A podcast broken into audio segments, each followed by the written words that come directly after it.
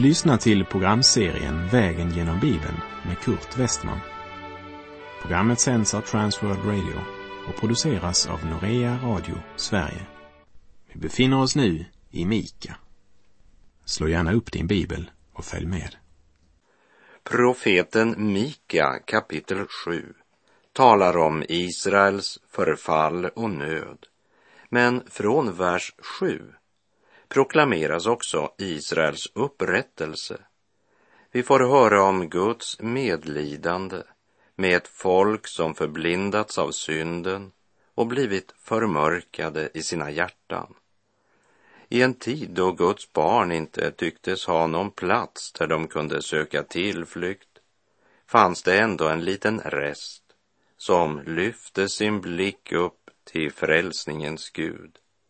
Hör vad profeten Mika säger i Mika 7, vers 7. Men jag, jag ska skåda efter Herren. Jag ska hoppas på min frälsnings Gud. Min Gud skall höra mig. Just när nöden är som störst för Herrens tjänare, när det ser som mest hopplöst ut både andligt och politiskt, uppenbaras profetens stora förtröstan och tillit till Gud. Han vet att Gud ska höra hans rop. Och han vet att Gud kan öppna en väg som leder ut ur eländet. Kanske tänkte han på vad Moseböckerna vittnade om Guds ingripande vid Röda havet. Han trodde vad skrifterna vittnade om Gud. Herren Jesus sa, på jorden ska folken gripas av ångest och stå rådlösa vid havets och bränningarnas dån. Människor ska ge upp andan av skräck i väntan på det som ska komma över världen. Som det står i Lukas 21, vers 25 och 26. Men det betyder ingenting hur mörkt det ser ut idag eller hur mycket folk havet stormar och tidsvindarna rasar. För ett Guds barn som vilar i den gode herdens famn, han vet att Gud är ljus och det finns inget mörker i honom. Jesus har ju förutsagt att allt detta ska ske.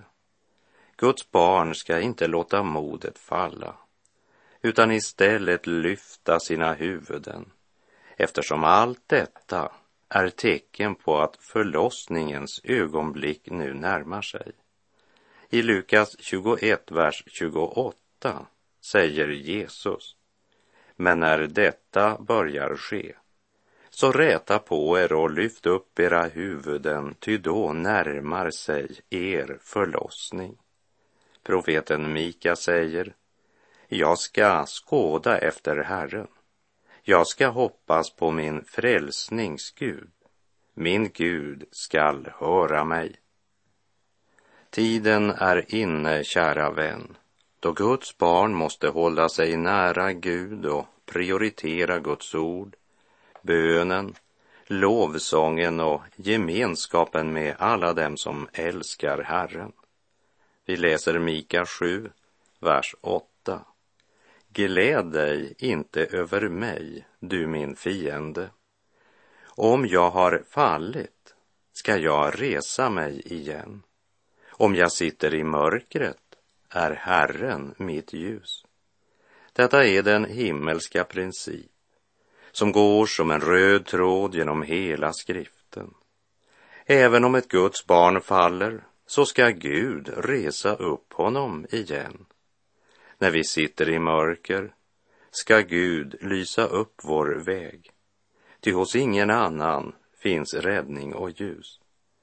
Låt mig än en gång få säga, vi måste hålla oss nära Gud och hålla oss obesmittade av världen. Det är en gudstjänst som är ren och fläckfri inför Gud och Fadern. Paulus skriver så här till de troende i Kolosse. Kolosserbrevet 3, vers 15 till och med 17. Låt Kristi frid regera i era hjärtan. den frid som ni blev kallade till i en enda kropp och var tacksamma. Låt Kristi ord rikligt bo hos er med all sin vishet. Undervisa och förmana varandra med salmer, hymner och andliga sånger och sjung med tacksamhet Guds lov i era hjärtan. Och allt vad ni gör i ord eller handling, gör det i Herren Jesu namn och tacka Gud, Fadern, genom honom. Låt Kristi ord rikligt bo hos er med all sin vishet. Låt hans ord vara dina fötters lykta och ett ljus på din stig. Låt inte mörkret och stormarna driva dig till missmod, utan låt mörkret driva dig in till honom som är världens ljus. När vi kommer till vers 9 hör vi profeten Mika och folkets vägnar bekänna inför Gud. Han utgjuter sitt hjärta inför Gud. Han överger sig till Gud med allt vad han är och har gjort. Likt Abraham i Första Mosebok 14.22 lyfter Mika upp sin hand till Herren, till Gud den högste, himmelens och jordens skapare. Jag citerar Första Mosebok 14.22. Jag lyfter min hand upp till Herren. Det är som om Abraham säger till Gud, ser du, handen är tom. Den har inte gripit om något som inte är till behag för tronen och honom som sitter på tronen.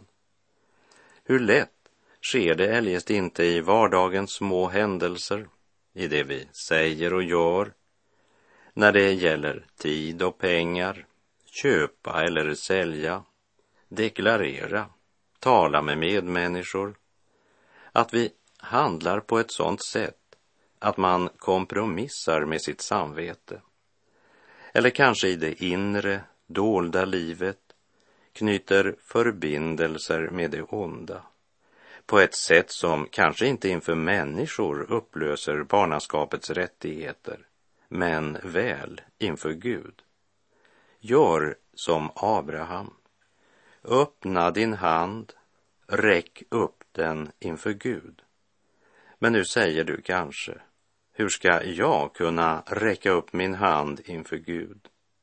Min hand är inte tom. Den har gripit om sådant som inte är rätt inför Gud.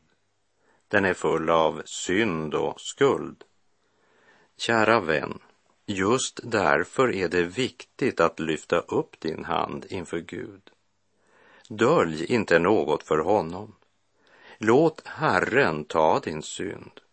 Låt Herren tömma handen. Det är endast han som kan göra det. Gör som Mika, bekänn allt för den Gud som älskar dig. Bekänn inför honom som har försonat din synd och som med sitt eget blod tvår dig vit som snö. Gör som David bekänner i den 51 salmen. Gör den bekännelsen till din. Gud, var mig nådig efter din godhet. Utplåna mina överträdelser i din stora barmhärtighet. Två mig helt från min missgärning och rena mig från min synd, ty jag känner mina överträdelser och min synd är alltid inför mig. Det är mot dig jag har syndat och gjort det som är ont i dina ögon och du ska få erfara den sanning som skriften återger så här i Johannes första brev kapitel 1, vers 9. Om vi bekänner våra synder är han trofast och rättfärdig så att han förlåter oss våra synder och renar oss från all orättfärdighet.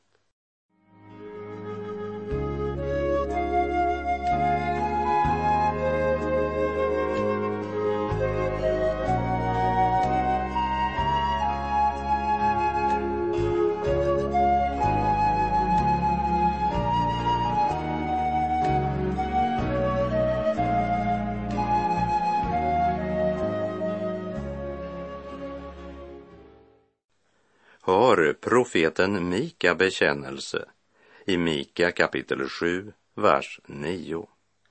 Eftersom jag har syndat mot Herren skall jag bära hans vrede till dess han tar sig an min sak och skaffar mig rätt.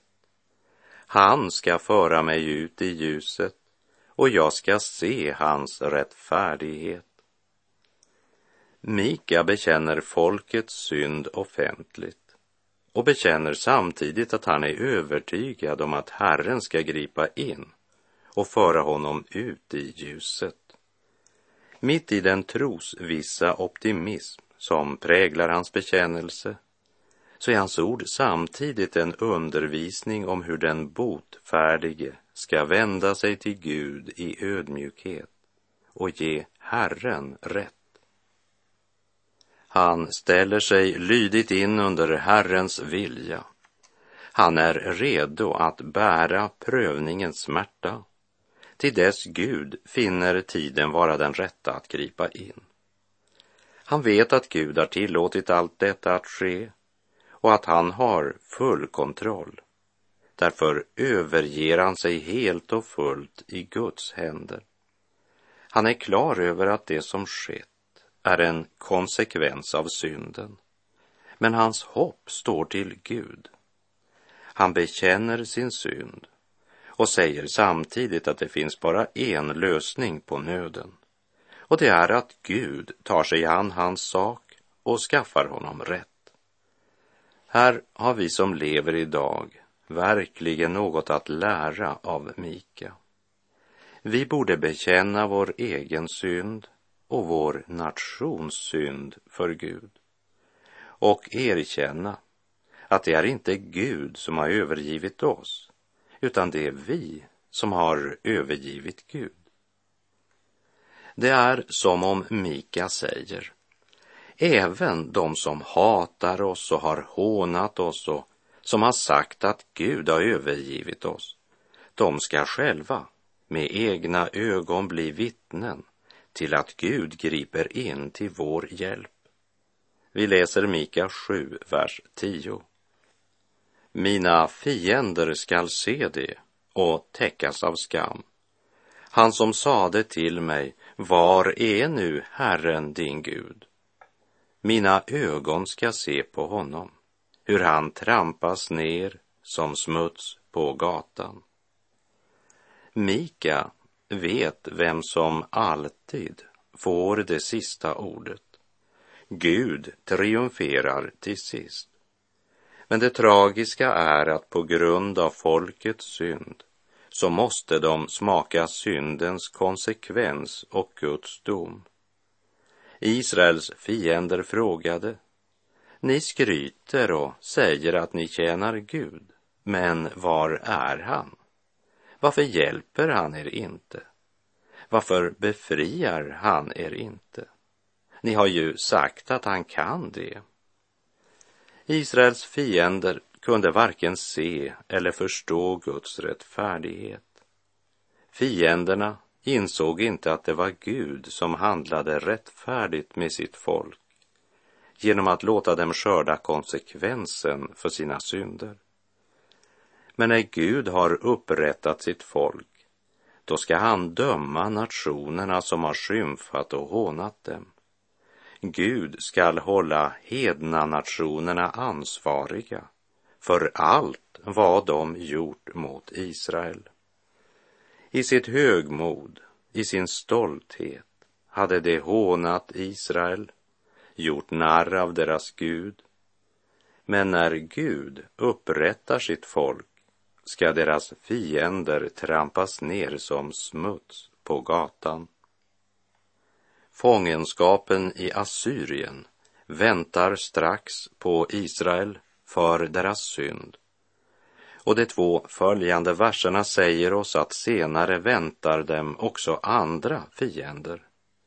Men mitt i allt det här, medan nöden är som störst, proklamerar Mika undergång för Israels fiender. Flera ställen i skriften talar om Israel som Herrens vingård. speciellt Jesaja sång om vingården i Jesaja kapitel 5, vers 1 till och med 7. Och den mur Mika talar om, det är murarna runt vingården. Vi läser Mika 7, vers 11. En dag ska dina murar byggas upp. På den dagen ska dina gränser vidgas. På den dagen ska man komma till dig från Assur och från Egyptens städer, från Egypten och ända till floden, från hav till hav och från berg till berg.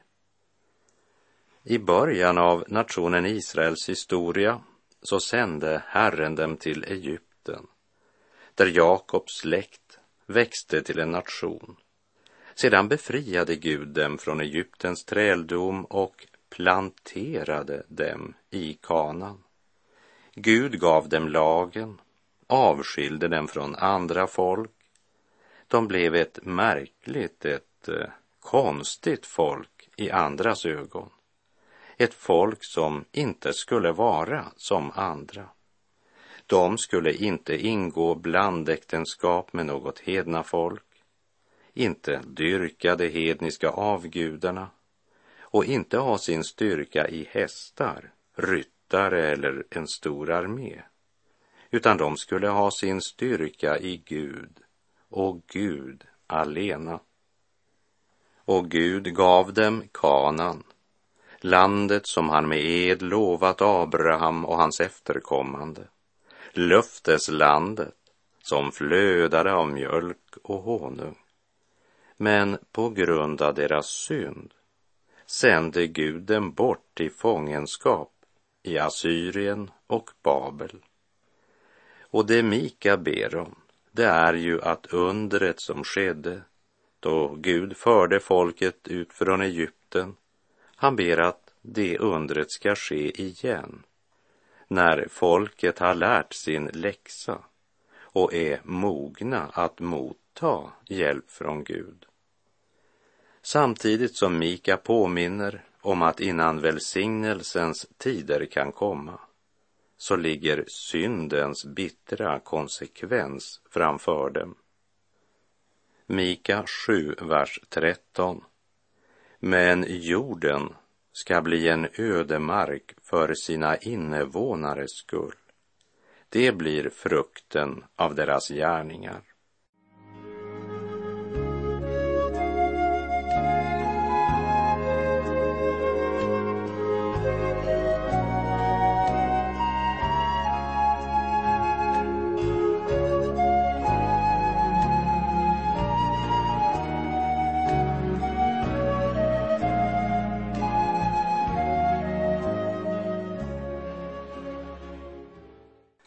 Kapitel 7 avslutas på ett underbart sätt när Mika överlämnar sig själv, folket och landet i den gode herdens händer. Vi läser kapitel 7, vers 14. Vakta med din stav ditt folk, din arvedels jord, som bor avskild i skogen, mitt i ett fruktbart land Låt den gå i bet i Basan och i Gilead som under forna dagar. Här går mina tankar till det David säger i den 23 salmen. Din käpp och stav, det tröstar mig. Staven talar om vägledning, trygghet, tröst, samtidigt som käppen talar om tuktan. Och denna kombination gör David trygg. Det är att Gud i sin kärlek tuktar och fostrar sina barn för att bevara dem i Guds fruktan och helgelse. Det är Davids trygghet. Men ett tuktat folk behöver också den gudomliga trösten. Vakta med din stav ditt folk, din arvedels jord ropar Mika till Gud. Och så kommer den profetiska versionen i Mika 7, verserna 15 till och med 17. liksom i de dagar då du drog ut ur Egyptens land ska jag låta dem se underbara ting. Hedna folken ska se det och komma på skam med all sin makt. De ska lägga handen på munnen, deras öron skall bli döva. De ska slicka stoftet som ormar, likt markens kräldjur. Med bävan ska de överge sina fästen. Skräckslagna ska de söka Herren, vår Gud.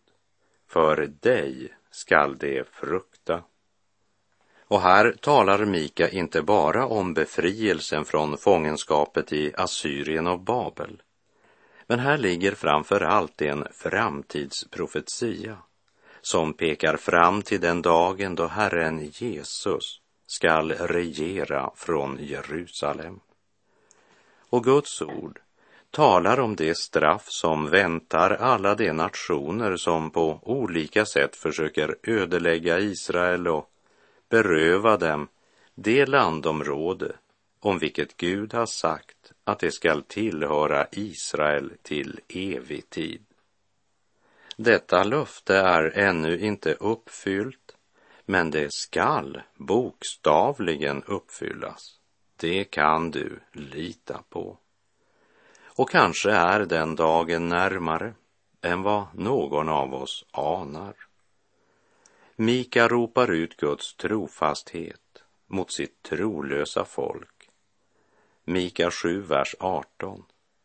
Vem är en Gud som du, som förlåter missgärning och inte tillräknar överträdelse för kvarlevan av din arvedel?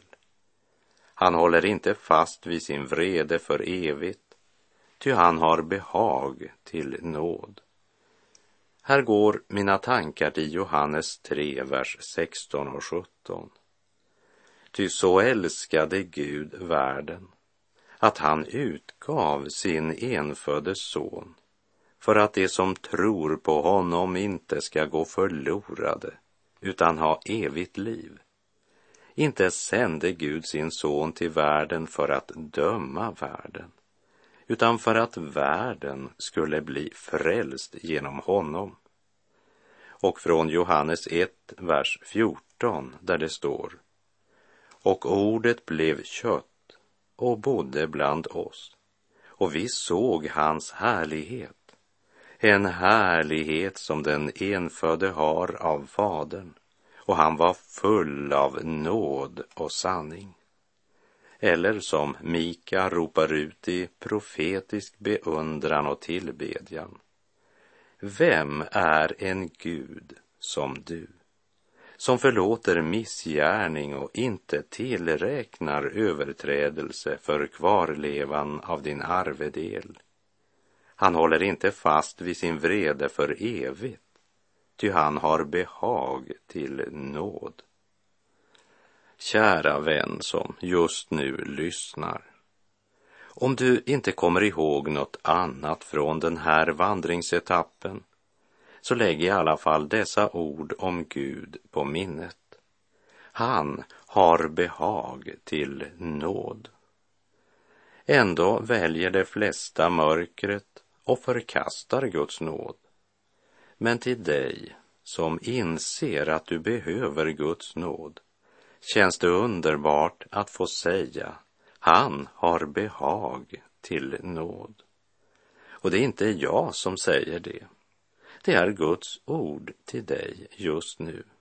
Han har behag till nåd.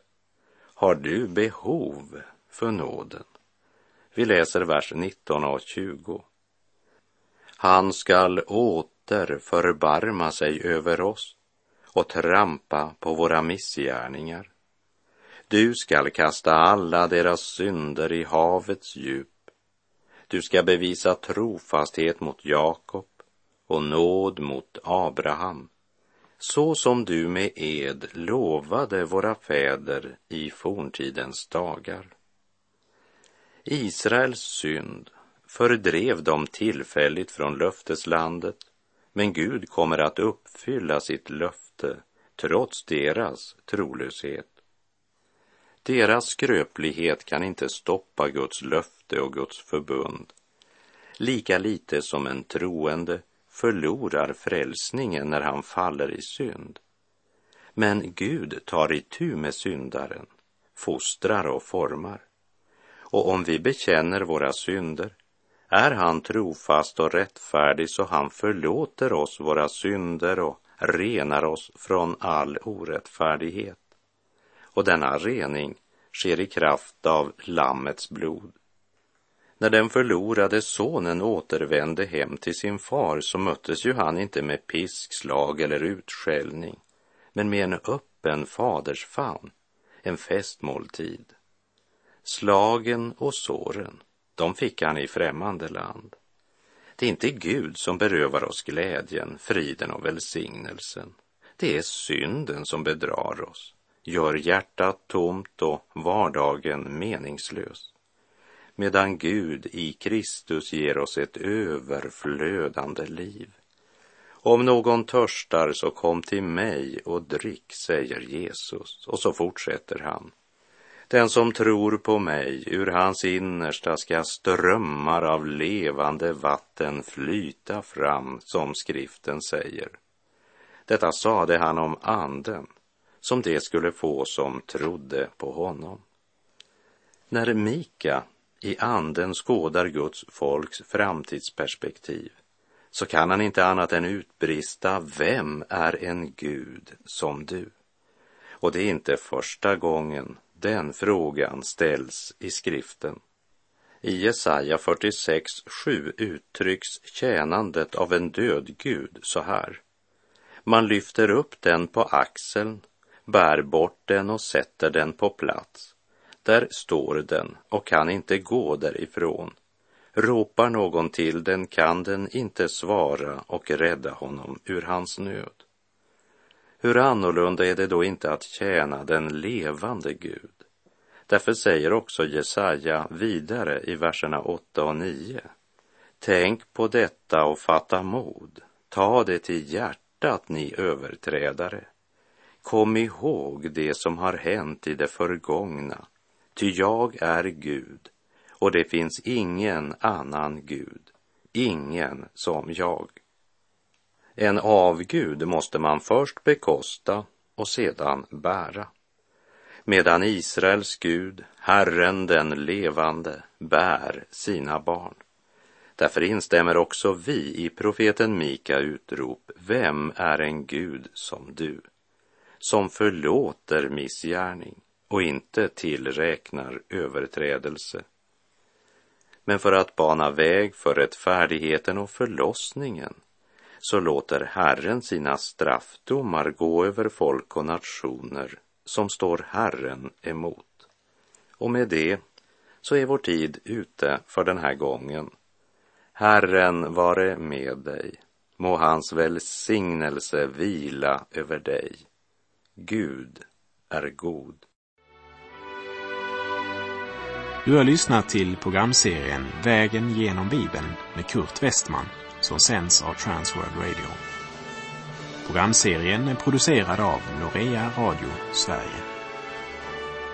Om du önskar mer information om vårt radiomissionsarbete så skriv till Norea Radio Sverige, box 3419 103 68 Stockholm. Adressen är alltså Norea Radio Sverige, box 3419. Postnumret 10368 Stockholm.